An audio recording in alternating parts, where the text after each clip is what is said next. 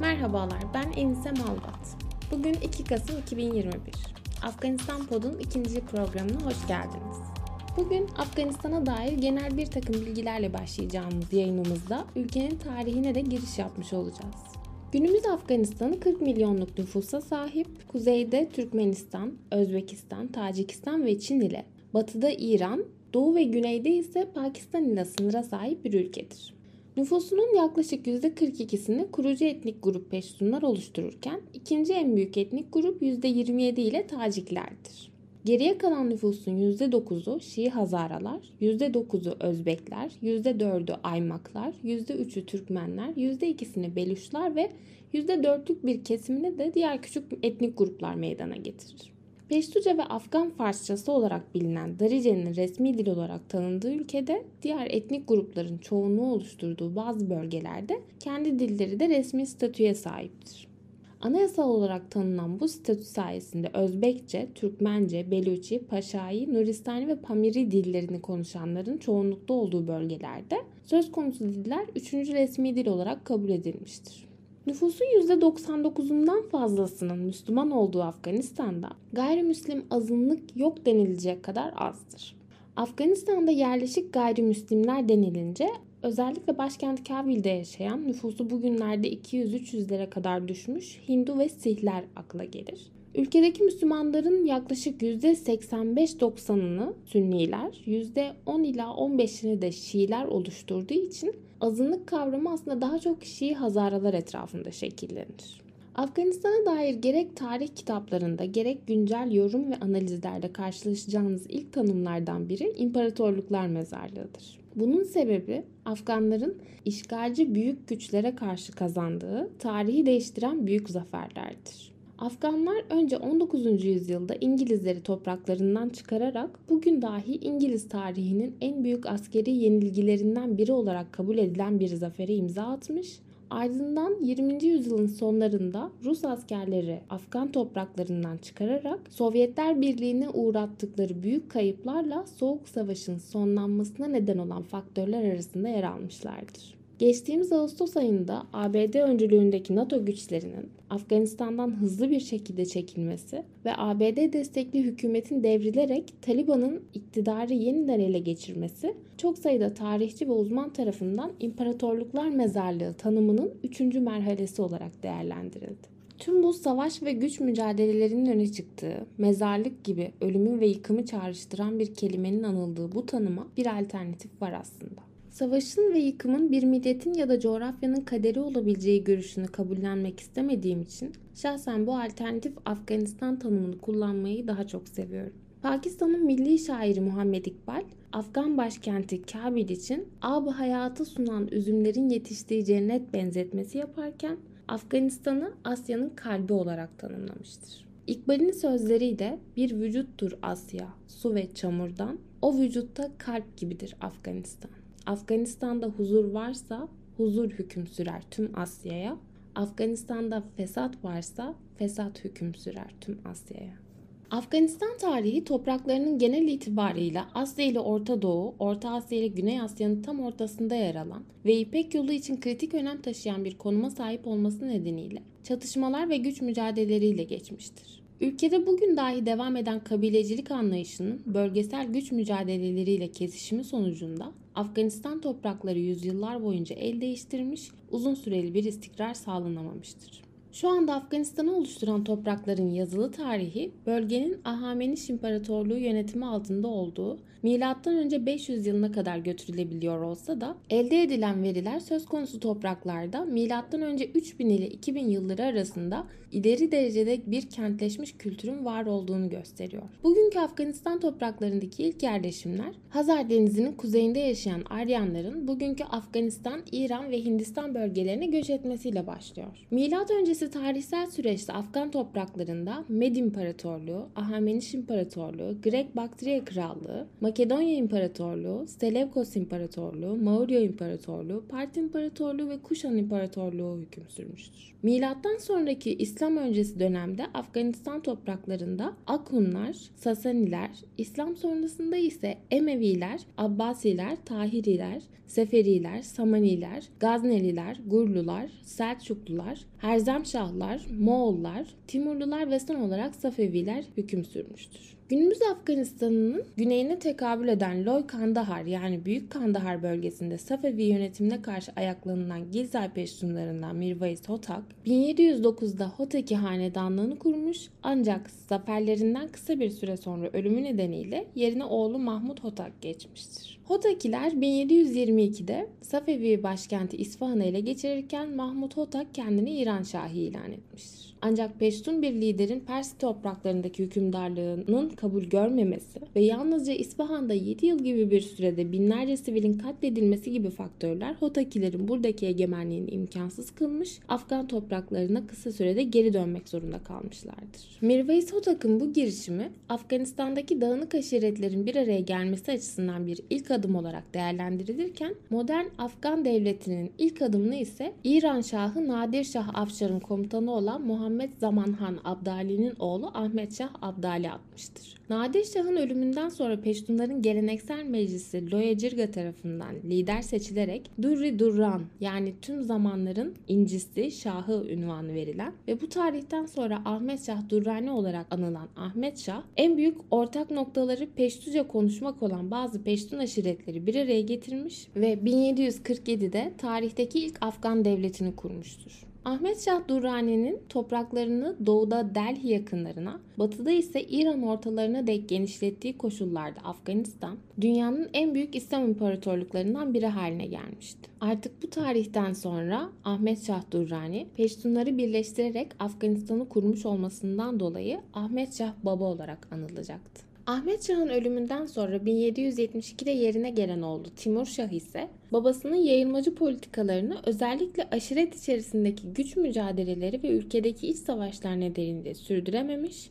başkenti Peştunların geleneksel merkezi Kandahar'dan Kabil'e taşımak zorunda kalmıştır. Bu tarihten sonra Kabil Afganların başkenti olarak kalacak, Kandahar ise Peştunların kalesi olmaya devam edecekti. O tarihte Afganistan'ın konumu bölgedeki güçler açısından her geçen gün önem kazanmaya devam ediyordu. Afganistan'ın doğu komşusu Hindistan İngiliz yönetimi altına girmişti. Kuzeyde ise Çarlık Rusyası Asya'daki Rus kolonyal bölgelerini genişletmek ve Güney Asya'daki İngiliz yayılmacılığından korumak istiyordu. Afganistan'ın batı komşusu İran ise Fransız komutan Napolyon'un merceğindeydi. Napolyon bu amaçla Rus Çarı Paul'un yardımıyla Afganistan üzerinden Hindistan'a saldırmayı planlamıştı. Ancak Paul'un suikastır kurban gitmesiyle bu plan gerçekleşemedi. Hindistan'a yönelik Afganistan üzerinden bir Rus-Fransız tehdidinin haberini alan İngilizler için Afganistan artık bir güvenlik riski oluşturmaktaydı. Afganistan'ın Rus-İngiliz yayılmacılığının sınırında yer aldığı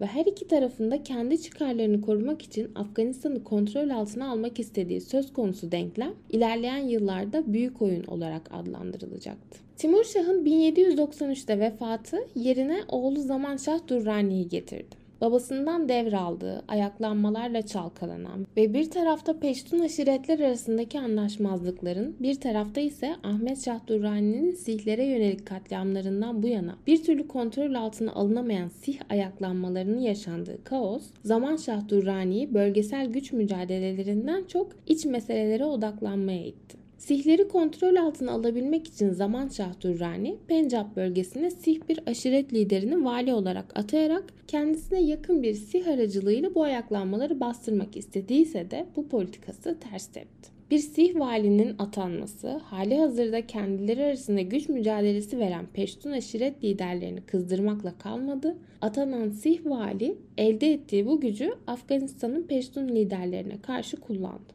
Kendisi bir Sadozay aşireti mensubu olan Zaman Şah'ın Peştunlar arasındaki ayrışmacı politikaları, görevden alınan vezir payında han olmak üzere çok sayıdaki Barakzay aşireti mensubu Peştunları kızdırdı. 1801'de ortaya çıkan ayaklanmalardan sonra Payında Han'ın oğlu Fatih Han İran'a kaçarken Afganistan'ın yeni lideri olarak Zaman Şah'ın abisi Mahmud Şah'ın desteklenmesi gerektiğini savundu. Ayaklanmalar sırasında liderleri etkisizleştirilen Peştun liderler güçlerini birleştirerek Kandahar'ı Zaman Şah'tan aldı ve kısa sürede yönetimi ele geçirdi. Ancak aşiretler arası güç mücadeleleri ve siyasi kaos nedeniyle Zaman Şah'tan liderliği devralan Mahmud Şah'ın yönetimi ancak 2 yıl sürdü. Afgan siyasetinin önemli isimlerinden Şuca Şah Durrani 1803'te Mahmud Şah yönetimini devirerek yeni Afgan lideri oldu. 1803 ile 1809 yılları arasında Afganistan'ı yöneten Şuca Şah döneminde de ayaklanmalar ve kaos devam etti. Ancak Şuca Şah'ın önceki liderlerden farklı olarak yaptığı en büyük değişiklik Afganistan'ın bölgesel güç mücadelesindeki tarafsızlık politikasına son vererek İngilizlerle bir ortaklık anlaşması imzalamasıdır. İngilizler bu anlaşmayla Afganları İngiliz yönetimi altındaki Hindistan topraklarına topraklarına İran ve Orta Asya aracılığıyla Fransa ve Rusya'dan gelebilecek tehditlere karşı bir tampon bölge olarak kullanmayı hedeflemiştir. Afganların bir Avrupalı ülkeyle yaptığı ilk siyasi ve ticari anlaşma olarak kayıtlara geçen anlaşmaya göre Şuca Şah hiçbir yabancı gücün Afgan topraklarından geçmeyeceğini taahhüt ediyordu. Şuca Şah ise anlaşma sayesinde iktidarını İngilizlerin desteğiyle güvence altına alacaktı. Şuca Şah'ın bu politikası kısmen başarılı olduğu denilebilir. Zira İngilizler Şuca Şah'ı ilerleyen yıllarda Kabil'de yeniden iktidara getirerek Kabil'de bir İngiliz kukla rejimi kurdular.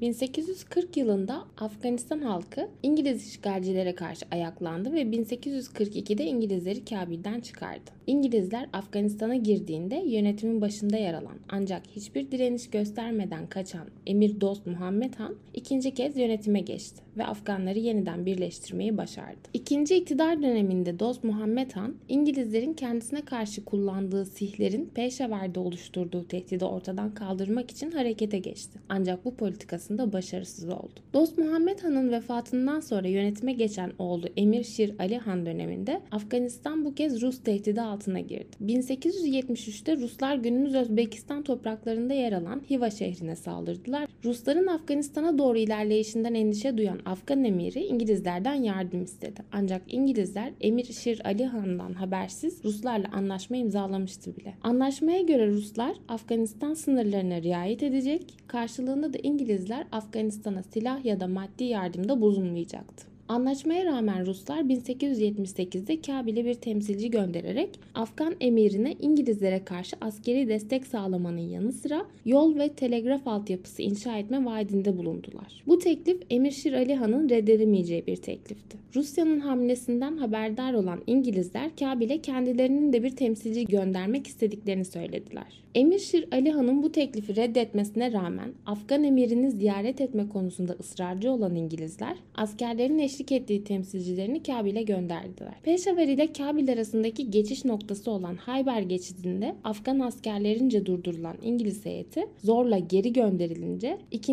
Anglo-Afgan Savaşı da başlamış oldu. İngilizler Afganistan'a bu kez daha büyük bir Hint ordusuyla yeniden saldırdı. Emir Şir Ali Han ülkeden kaçınca İngilizler oğlu Yakup Han ile 1879 yılında Gandamak Anlaşması'nı imzalayarak Afganistan'da kalıcı bir temsilciliği garanti altına alırken aynı zamanda stratejik öneme sahip Hayber geçidinin ve günümüz Pakistan sınırları içinde yer alan Peştun bölgelerinin kontrolünü ele geçirdiler. Afganlar açısından ağır koşullar ortaya koyan anlaşma Afgan halkının yönetimi isyan etmesine neden oldu. Birkaç ay içerisinde Afgan ayaklanması İngiliz temsilcisi ve heyetini öldürdü. Yakup Han ise canını güvenceye almak için İngiliz kılığına bürünüp İngiliz güçlerine sığındı. Ancak ayaklanma başarısız oldu ve İngilizler bu kez Afganistan'da daha büyük bir alana yayılarak Yakup Han'ı yeniden iktidara getirdi. Bu kez İngilizler Afganları İngiliz himayesinde iktidara getirdikleri bir liderle yönetemeyeceklerinin farkına vararak İngiliz müttefiki Emir Abdurrahman Han'ın liderliğe geçmesini,